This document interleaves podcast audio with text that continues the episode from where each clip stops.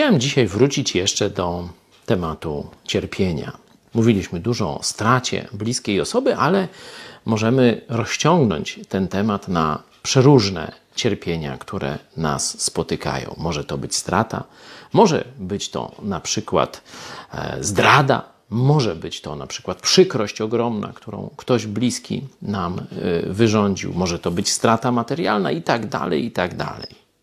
Po co takie rzeczy dzieją się w życiu chrześcijanina? Czy chrześcijanin nie powinien mieć życia wysłanego różami czy płatkami róży? Szczęśliwego? Otwórzmy list do Koryntian, drugi rozdział, pierwszy wersety 3 i 4.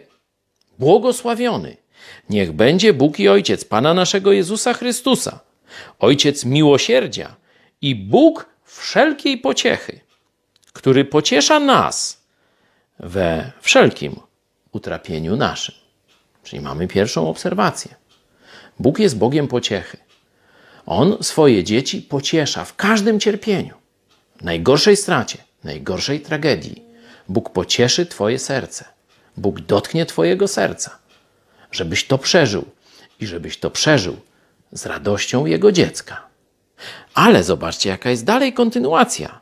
Jaki jest cel tego pocieszenia? Abyśmy tych, którzy są w jakimkolwiek utrapieniu, pocieszać mogli taką pociechą, jaką nas samych Bóg pociesza.